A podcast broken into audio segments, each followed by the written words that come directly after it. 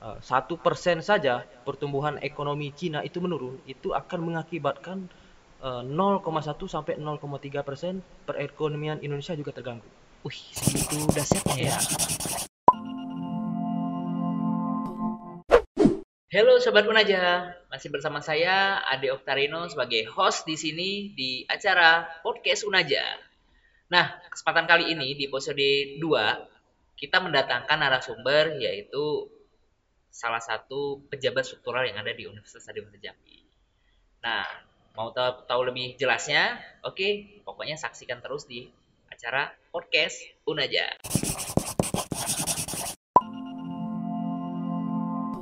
Halo Pak Evan, apa kabar? Wah, pastinya seger sekali nih. Kayaknya Iya. kebanyakan di rumah ini. Iya Pak, kita ikutin anjuran pemerintah. Oh gitu ya.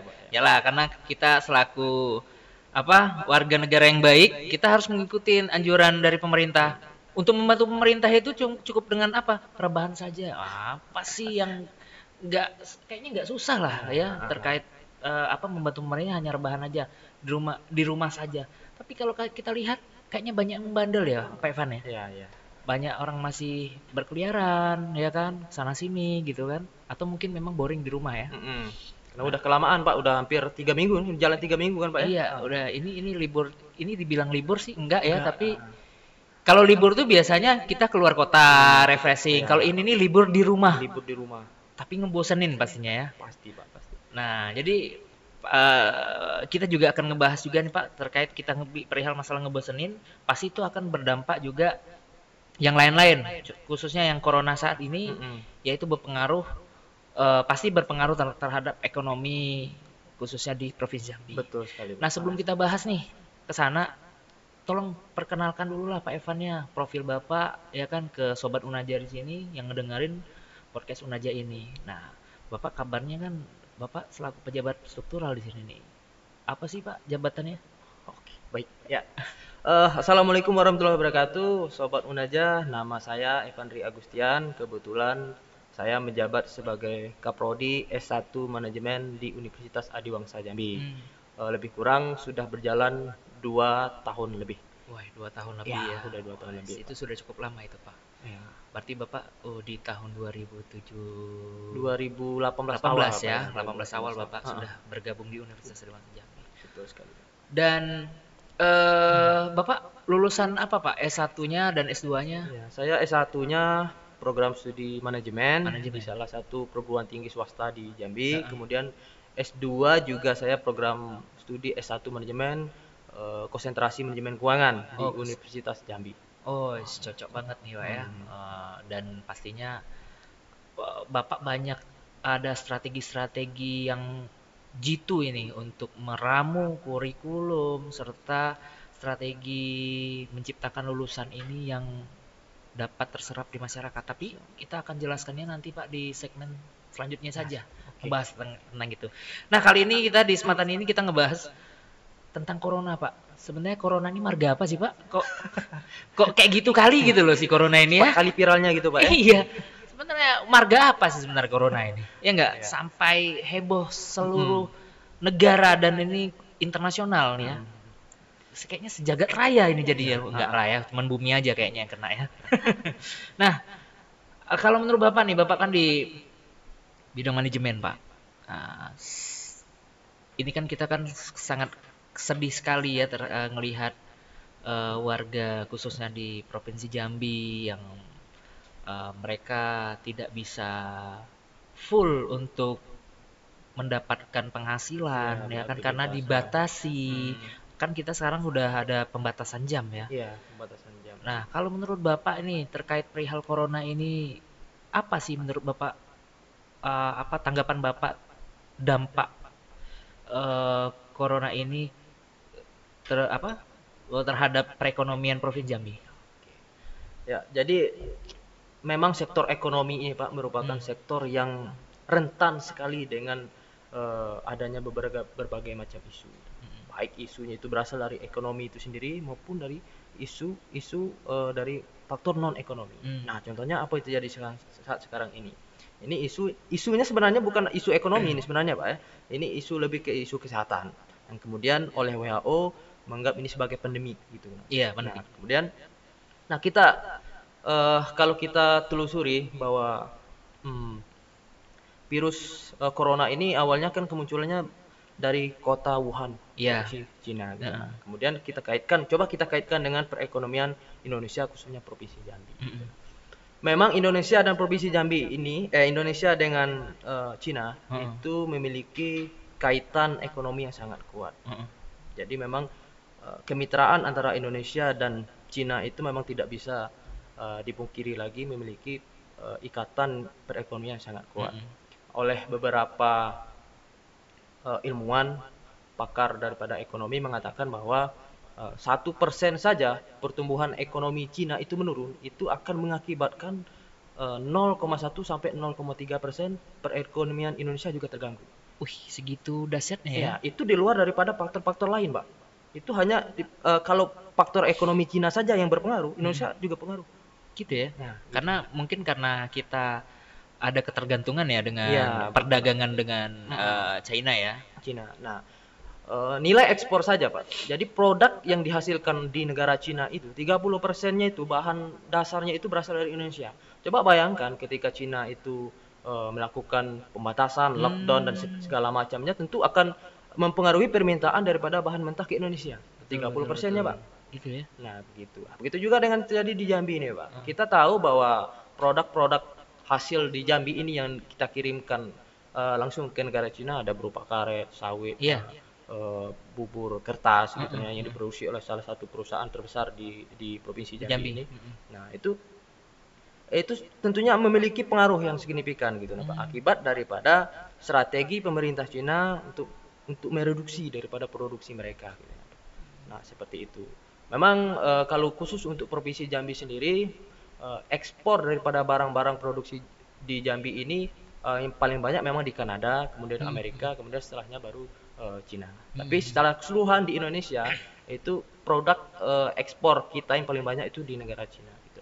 Artinya eh, tanpa kita melihat daripada apa dampak daripada virus corona ini di Indonesia itu sendiri dengan terjadinya hanya di kota di provinsi di negara Cina saja Indonesia berdampak apalagi sekarang virus corona ini sudah sekitar 2000 Pak ya Iya. sudah terjangkit Eh, kita sudah positif eh, corona sebanyak 2000 orang ya 2000 orang lebih nah itu tentunya akan berdampak juga terhadap perekonomian Indonesia khususnya di Jambi misalnya Oke. karena apa karena strategi-strategi ya dari pemerintah-pemerintah daerah tentu bermacam-macam Hmm. misalnya hari ini saja eh, Gubernur DKI Anies Baswedan Iya. telah disetujui Pak PSBB-nya itu Oh, sudah disetujui sudah ya? disetujui.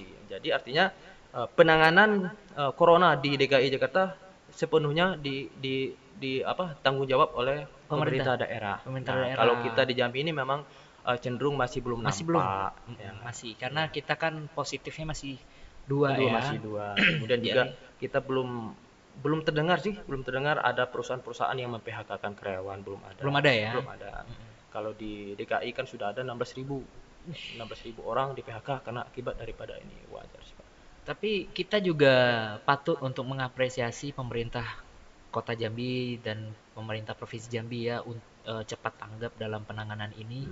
Karena kalau yang kita lihat pasar-pasar masih tetap beraktivitas. masih tetap beraktivitas. ya toko-toko mall dan semuanya masih ada aktivitasnya hanya saja memang eh, sangat berkurang ya terkait eh, apa eh, pembeli ya Hmm. daya pembeli Daya beli beli masyarakat, masyarakat, ya. ini Hmm. sudah mulai berkurang mulai akan tetapi tidak drastis kayak di China apa di India Ya, ya di India, di Cina. kita masih stabil lah Masih stabil. sepertinya. Nah, makanya itu nah sekarang kan Bapak kan udah lihat nih di provinsi ya di Kota Jambi kan sudah mulai membatasi. Mm-mm. Ya, menurut Bapak membatasi waktu ya? Ini bukan Nah, sesuatu. Menurut Bapak setuju nggak sih sebenarnya aturan pembatasan tersebut? Ya kan karena kan kita juga bisa melihat dari eh, pedagang-pedagang makanan yang dianya itu hanya bukanya pas jam malam. jam malam. ya, Padahal betul. kita jam 9 sudah tutup. Hmm. Eh, jam 9 sudah di- tidak boleh ada lagi aktivitas aktivitas. betul. 9 ke atas. Nah, kalau menurut Bapak gimana tuh? Ya sebenarnya memang eh, harus ada memang pro dan kontra memang Hmm. Pak. Pasti terjadi pro dan kontra antara kebijakan yang satu diambil pasti eh, merugikan daripada sektor yang lain Hmm, gitu. Nah, nah, kebijakan itu diambil salah satunya memang untuk eh, mengurangi daripada tersebarnya virus corona. Memang di Provinsi Jambi saat sekarang ini kita tahu bahwa adanya pembatasan jam malam sampai Iya. jam 9 malam.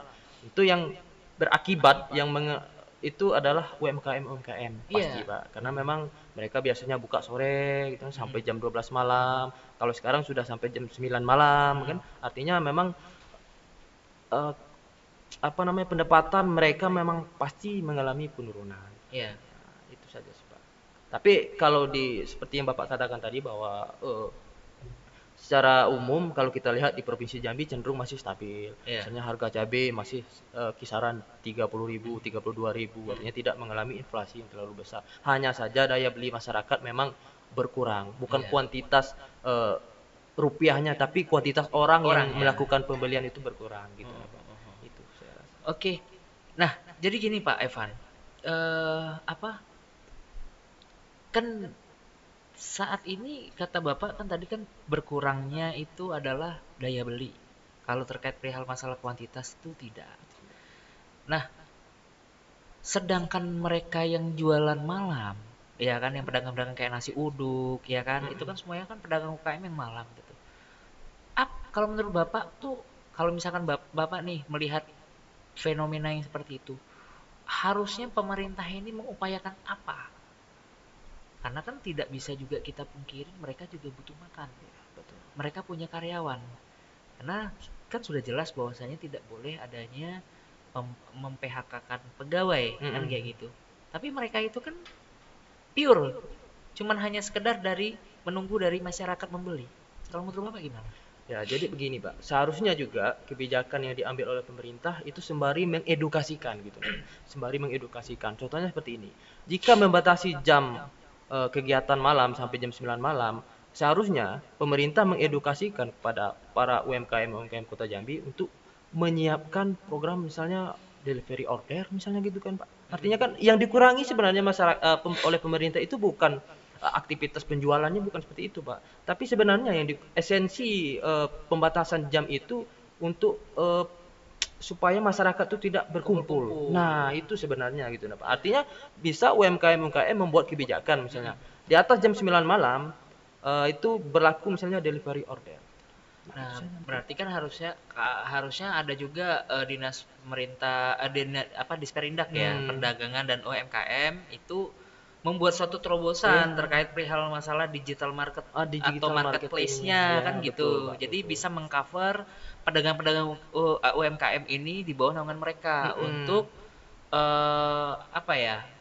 menjembatani, terkait Menjembatani. perihal masalah transaksi tadi. Iya, Karena kan betul kalau saat ini kan tidak semuanya pedagang kaki lima itu masuk ke ranah misalkan contoh kalau kita kan kalau mau pesan makanan ada Grab, ada, Go, Grab, ya, ada betul. Gojek dan macam-macam platform eh, apa eh, aplikasi eh, apa belanja online Belanja tersebut. online. Tapi kalau yang tidak ada, Nah, itulah tadi saya katakan tadi Pak bahwa sebenarnya eh, sebelum mengambil kebijakan sebaiknya pemerintah memikirkan terlebih dahulu. Ada edukasi di samping daripada pemberitahuan, himbauan dan lain sebagainya ada edukasi yang disampaikan oleh pemerintah kepada para pedagang-pedagang ini tadi. dan juga pemerintah Memfasilitasi. juga mem- memfasilitasi Nah, mengedukasikan juga sekali. pada masyarakat. Iya, iya. Gitu. Artinya jangan mengambil kebijakan kemudian ya sudah itu ya kamu pikir sendiri, tidak boleh seperti itu gitu nah Pak. Karena yang kalau saya, saya- juga nggak apa ya, kalau yang saya lihat nih, eh, kita lagi nongkrong, bukan nongkrong sih, kita keliling lah Mm-mm. sama keluarga, kita lihat situasi di malam hari gitu. Kan mobil patroli ini keliling nih pak, Mm-mm. ngomong praja, apa semacam, Ya. menghimbau jam malam, udah tutup aktivitas dan segala macamnya. Nah ini yang kadang, kadang itu kita Miris gitu. miris pak, gitu loh melihat, karena mereka baru start aja dia jam 6 Jam 6. jam 9 udah tutup. Nah, ini yang perlu harus di apa dipikir juga kepada eh, oleh pemerintah ya, Hmm. pemerintah kota khususnya. Hmm. Kita karena kita di Kota Jambi ya. Dan ini di Kota Jambi, apalagi yang di luar daerah. Kan gitu. Tapi kalau di provinsi DKI Pak sudah menyiapkan itu Pak. Seharusnya kita bisa mencontoh provinsi DKI. Oh gitu. Nah, Jadi ketika dia membatasi jam malam, nah, kemudian dia memfasilitasi bagaimana proses transaksi itu juga tetap berlangsung. Nah, seperti itu. Artinya eh, pendapatan daripada eh, para pedagang-pedagang itu berkurang, cuma cenderung berkurang itu sedikit gitu. Iya. Nah, itu seperti itu gitu. Iyalah, karena kalau yang kita lihat eh mayoritasnya kota Jambi ini kayaknya makanan ya Pak ya. Iya, makanan. Heeh. Wisatanya tuh hanya makanan ya. Ah, makanya yang dulunya kalau kita keluar kita dapat memilih makanan Mm-mm. banyak dan segala macamnya. Kalau saat ini yang kita kasihan kan ya itu tadi para pedagang-pedagang kaki lima UMKM tadi yang mereka sepi. Ya. Artinya secara tidak langsung jika eh, gagasan itu diambil oleh pemerintah ah, memfasilitasi menjembatani dengan adanya oh, belanja-belanja online itu artinya eh, ojek-ojek online juga terbantu gitu. Iya. Nah, ojek online juga terbantu dengan aktivitas kita eh, apanya pembatasan jam malam itu tadi juga terbantu. Seharusnya pemerintah itu berpikir seperti itu gitu ya. Nah, eh, kalau yang ini kita kurangi, ini harus kita tambah gitu. Betul. Artinya ada eh, balancingnya di situ gitu. Ya, ya semoga aja lah dari Hmm. pakar-pakar eh, ekonomi, pakar-pakar eh, UMKM itu mampu untuk memikirkan terkait Ya. itu masyarakat ya Hmm. dan dapat juga memberikan suatu suara kepada pemerintah Hmm. kota. Atau juga mungkin kita para dosen lah ya, Ya, itu mungkin ah. bisa dijadikan suatu penelitian juga ya bisa, Pak ya Ah, ah, bisa. untuk membuatkan suatu inovasi ya eh, suatu wadah serta inovasi dan itu dijadikan suatu pengabdian masyarakat dan bisa digunakan ke, oleh masyarakat dan eh, apa UMKM tadi Ya. yaitu aplikasi-aplikasi kajian-kajian gitu Ya, peningkatan strateginya gitu. Mm-mm. seperti apa gitu kan Betul. Pak ya. Ya mudah-mudahan saja Pak. Intinya mudah-mudahan kita semua berharap eh, sobat Unaja juga tentunya kita mengharap eh, selalu berdoa kita supaya virus corona ini cepat berlalu. karena kalau kita pikir ini corona ini sebenarnya makan apa sih gitu. Iya. marga apa gitu ya Siap. tapi kalau kita lihat-lihat kita baca memang corona itu sebenarnya sudah ada sih Sudah. sudah ada dari dulu Mm-mm. Makanya sebelumnya saya juga pernah ah, sebelum sebelum ini kan kita mendatangkan narasumber dari prodi farmasi Pak Pak Septa. Mm-mm. Kita juga bicara di situ membahas terkait hal masalah si corona ini. Katanya si corona ini upgrade Pak. Dia tuh mengupgrade diri gitu loh. Sebenarnya corona ini ya dari sejenis virus flu, flu Oh, biasa, flu tapi biasa. karena karena adanya penambahan zat apa jadi dia upgrade gitu loh. Nah, jadi Tapi dia juga ikut adanya er- era revolusi 4.0 juga dia juga meningkatkan Iya, diri gitu Pak ya. Itu enggak ya, dia meningkatkan diri gitu loh. Karena dulu kalau kita lihat, kita lihat dulu waktu zaman eh, kabarnya sih dulu waktu tahun 19 eh, 1918 ya. Iya. Itu kan ada ada wabah juga ya kan.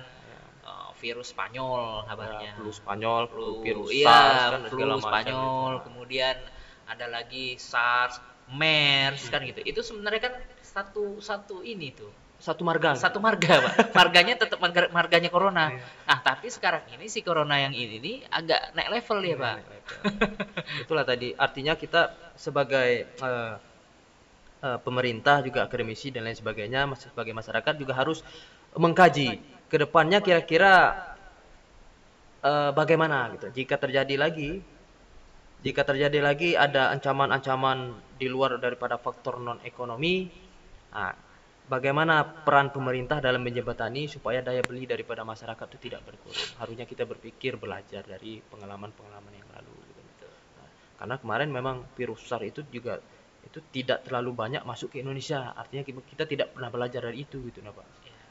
Tapi minimal harusnya kita punya benchmark dengan negara lain. Bagaimana Cina, bagaimana Korea Selatan mampu bangkit secara cepat, sehingga juga eh, perekonomian mereka juga cukup stabil. Memang perekonomian di tahun 2020 ini Pak memang banyak pengaruhnya. Belum lagi dengan dipengaruhi oleh perang dagang antara Cina dan Amerika. ya nah, itu itu kan karena itu sudah ini sih apa memang udah lama ya Iya. perang dagang tersebut dan nah, impactnya kan lain yang lain ditambah lagi dengan virus corona Virus ini tadi corona. Pak. Nah, menurut Bapak nih, kalau menurut tanggapan Bapak, virus corona ini nih apakah memang kabarnya sih dibuat dibuat memang sengaja dibuat untuk eh, apa ya? Me- Salah satu strategi Iya, perang dagang ini tadi jadi Pak. salah satu strategi perang dagang yang di mana nantinya semua negara-negara ini menjadi krisis moneter dan akhirnya ada negara yang mau membantu memberikan pinjaman Eh, mengambil kesempatan Ah, daripada mengambil kesempatan dalam kesempitan itu gitu loh. Kalau menurut bapak betul nggak sih? kalau saya sih memang belum ada referensi Ya. yang yang yang apa yang membahas tentang itu secara detail. Itu kan baru eh, pendapat daripada para ahli. Pendapatnya itu pun belum dibuktikan sebenarnya Pak. Artinya Ya. kita sebagai akademisi tidak boleh berkomentar secara eh, lebih jauh lagi gitu. gitu loh. Ya, seperti itu. Ya, karena itu kan sedang sedang ber apa ya, sedang berkembang gitu Mm-mm. informasi-informasi terkait itu. Ya. Hoax ataupun fakta pun kita juga sekarang masih belum ada Ya. kajian ya Pak ya. Ah, Tapi memang perlu harus kita ini juga sih waspadai juga Waspada. karena yang virus yang kita hadapin ini ini bukan memandang suku, umur Ah. ataupun martabat atau apa semuanya Pak. Ya kan? Jadi memang ada joke di Instagram gitu Pak yang Iya. sedang viral nih Pak. Eh, Rusia dan Iran itu menyalahkan bahwa yang menyebarkan virus corona ini Amerika. Ya.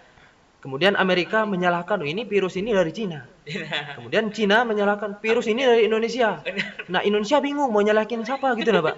Akhirnya Indonesia nyalahin orang miskin gitu nah. Oh, Pak. iya. Nah, ini anehnya Yang gitu. kemarin tadi ya. Ya. Yang kemarin itu yang bahwasanya eh, orang kaya membantu yang Yang miskin, yang Iya miskin kan? jangan menular. Yang miskin membantu orang kaya supaya tidak menulari penyakit. Nah. nah, ini nih mungkin penyakit apa? Penyakit miskin atau penyakit apa ini kan? Iya. Itulah Mungkin kira-kira.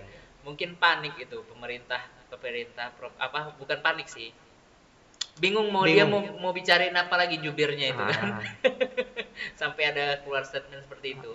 Tapi kalau menurut kita itu kurang baik juga sih Pak, mendengarin itu. Itu kan membenturkan. Mm-mm, betul. Tapi kadang juga kita lihat Indonesia ini ketika ada terpleset seperti itu kata-kata langsung Langsung viral, viral, gitu. boomingkan dan segala macam. Nah, harapannya sih kita para akademisi, Hmm. mahasiswa ya kita harus bisa memang mengedukasikan, meredam, ya kan. Apalagi yang saat ini kita cukup, ya cukup kita membantu, jangan kita menulari dan menularkan. Eh, jangan kita menulari dan tertulari Tertular. gitu loh ya. Nah, apalagi saat ini sudah ada kewajiban kita harus memakai masker, Pak. Mm-mm. Bapak ada masker, Pak? Ada mas. Ada ya, harus kita itu harus dibawa, wajib dibawa, Pak. Saya pun juga ada tadi, tapi di mana tadi kayaknya di bawah tadi. Karena sekarang pun masker pun jadi bahan langka, Pak. Iya. betul. Tapi ada ada baiknya, Pak sebenarnya. Kenapa? UMKM kita yang yang merekanya itu ibaratnya orderan yang apa pakaian Ah. kurang apa pakai yang eh, saat ini yang dia jual pakaian misalkan dia beralih pak beralih fungsi ada peluang di sana ada gitu. peluang di situ. Nah, di situlah kesempatannya. Ya, Itulah betul ide apa kalau kita tuh Indonesia ini apa ya kreatif pak. Ya kurang kreatif gitu pak. Iya kan. Jadi eh, kesempatan itu bisa diambil langsung. Nah, untuk apa juga? Untuk menekan biaya masker yang melambung tinggi saat Hmm, ini. Iya betul. Ya kan? Karena kalau misalkan kita cuma hanya menunggu produksi yang skala besar, ya nggak mungkin ya. Karena kayak kemarin contoh, kita baru tahu bahwasanya masker kita tuh diekspor ke Cina. Ya, heeh. itulah tadi Pak. Jadi memang eh, salah satu daripada eh, pakar ahli ekonomi di, di negara kita Indonesia, Pak Rizal Ramli pernah mengatakan bahwa ini saatnya, gitu. saatnya dengan adanya wabah virus corona ini eh, kita saatnya beralih. Kita merubah mindset daripada ekonomi kita. Selama ini kita selalu memikirkan sektor makro, sektor makro, ekspor impor dan lain sebagainya. Nah, dengan adanya seperti ini, coba kita pikirkan yang paling utama yang kita pikirkan adalah sektor mikro, mikroekonomi. Karena memang dalam ilmu ekonomi itu ada istilah microeconomic exponential of macroeconomic. Nah, kalau selama ini kita berpikir oh, majunya makroekonomi secara tidak langsung masyarakat akan sejahtera. Terbalik, seharusnya pada zaman-zaman dulu Soeharto apa segala macam, Ya. mereka agak sedikit mengabaikan bagaimana makroekonominya gitu. Yang penting masyarakat sejahtera dulu, mikroekonomi bagus dan segala macam, secara tidak langsung makroekonomi akan menjadi Ya. bagus. Nah, seharusnya itu itu itu yang dikatakan oleh Rizal Ramli. Hmm. Artinya memang uh, oke virus corona sedang uh, mewabah di Indonesia dan segala macamnya juga mempengaruhi sektor ekonomi. Harusnya kita belajar dari situ.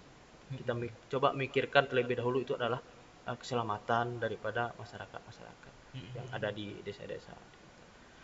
Nah, sama ini juga Pak. Eh, ini juga masih mengganjal juga sih kalau menurut saya terkait perihal bab- karena kita bicarakan ekonomi.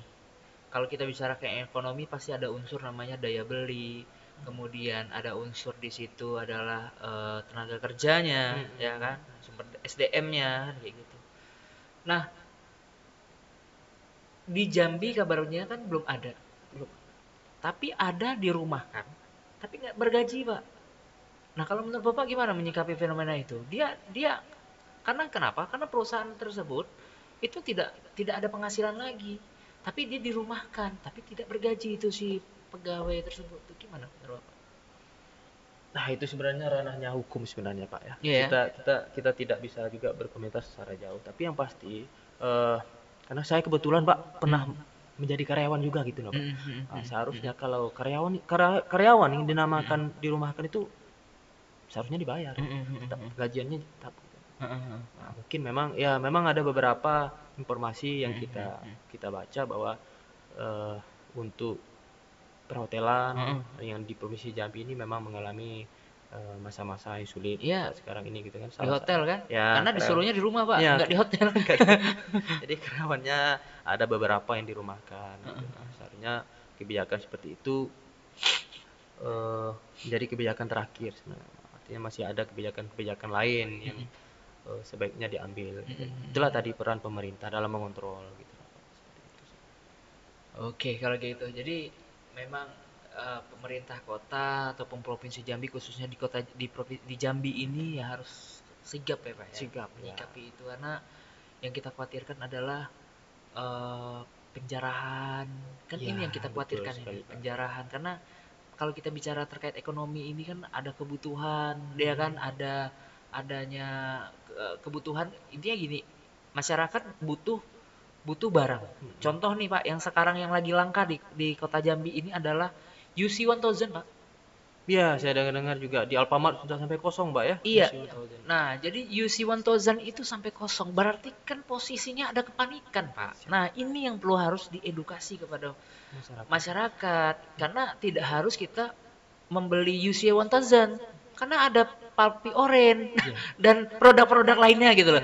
Maaf ini bukan endorse ya, ini kita cuman ini fakta gitu ya. barang pengganti ya. Kalau di Iya. istilah ekonomi barang substitusi gitu Pak. Iya, jadi nggak harus kita ngejar UC 1000 Pak. Itu, Ya kan? itulah itulah sebenarnya Pak eh, bahwa pemerintah apa masyarakat kita ini masyarakat latah sebenarnya. Pak. Heeh. Ketika mendengar suatu sumber informasi, udah UC 1000 itu bisa penangkal virus corona. Jadi dalam mindset mereka UC 1000, UC 1000. Iya. Padahal sebenarnya ada barang pengganti gitu. Iya, Nah, jeruk nipis di tetangga saya pun habis juga, Pak.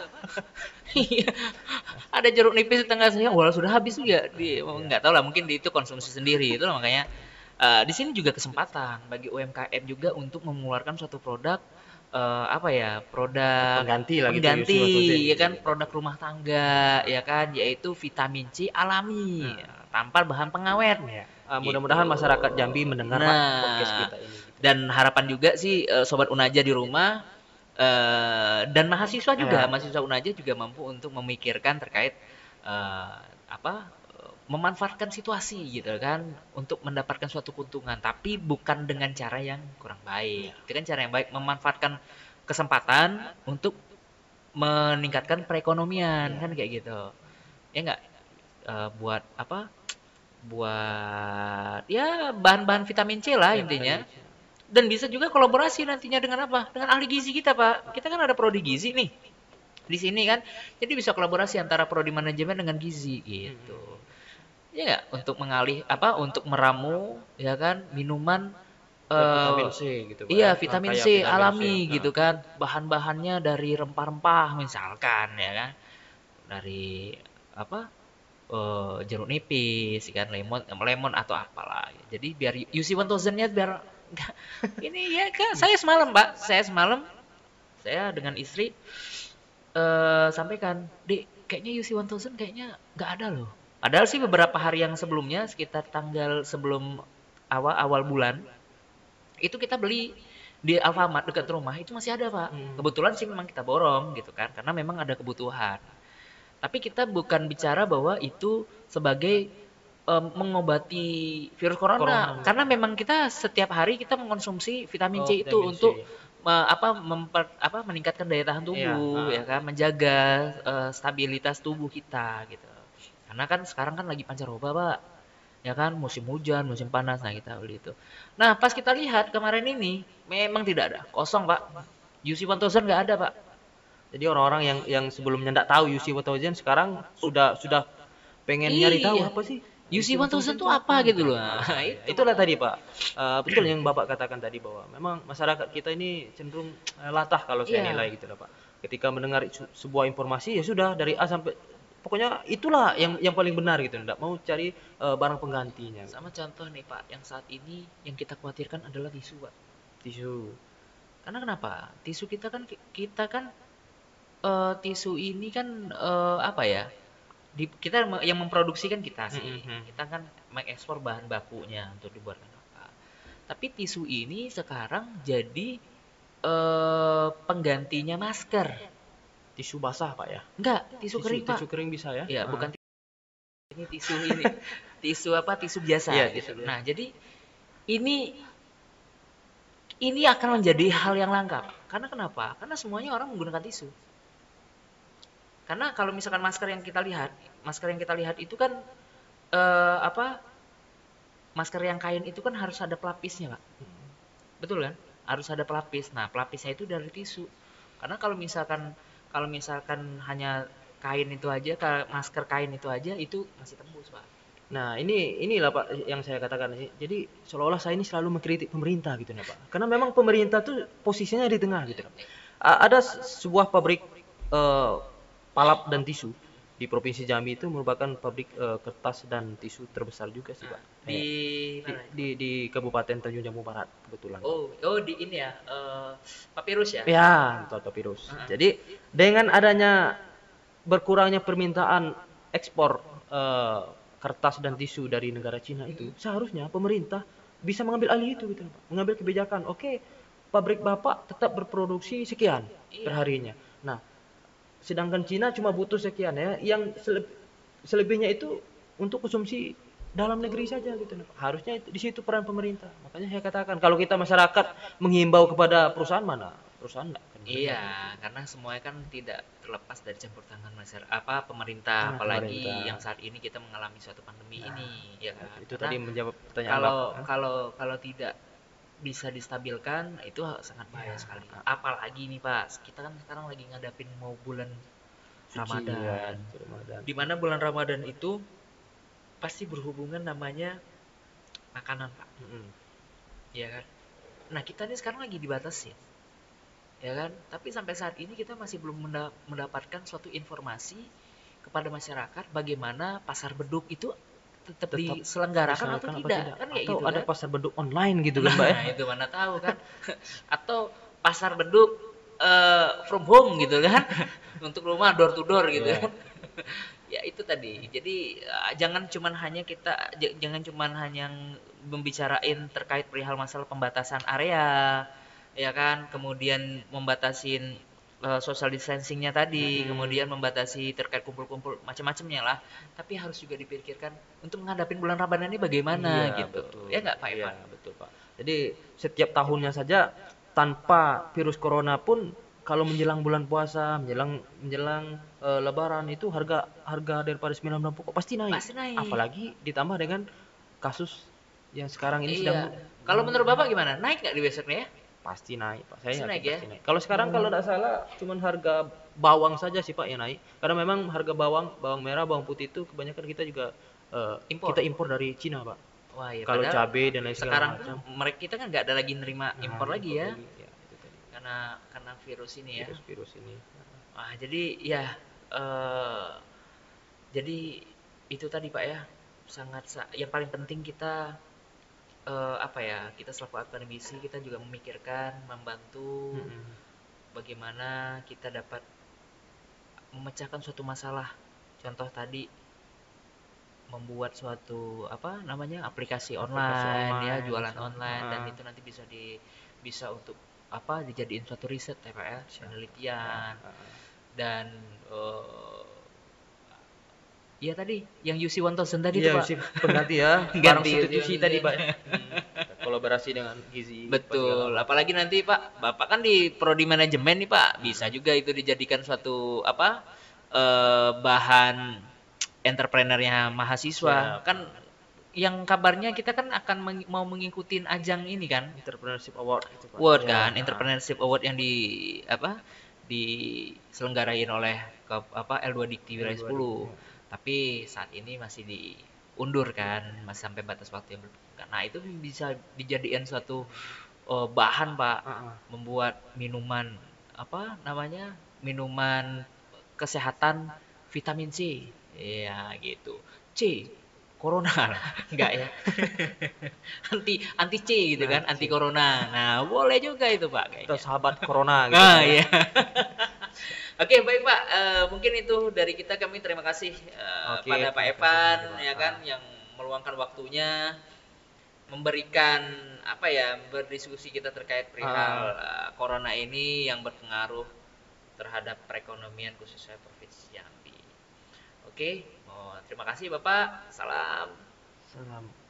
Halo Sobat Unaja, tadi kita ngedengerin eh, profil dari Pak Evan ya selaku Kaprodi Prodi Manajemen di Universitas Dewasa Jambi. Setelah kita juga ngebahas juga terkait eh, dampak ya seberapa besar sih dampak virus corona ini mempengaruhi perekonomian khususnya di Kota Jambi dan Provinsi Jambi dan tadi sudah menjelaskan banyak sekali eh, oleh Pak Evan itu. Nah, Ingat kalian para sobat Unaja tetap stay di rumah dan jaga kesehatan kamu dan ingat vitamin C itu bukan hanya dengan UC 1000 tapi banyak yang lain. Jadi beli yang lain juga ya. Oke, baik. Saya Adek Tarino di podcast Unaja.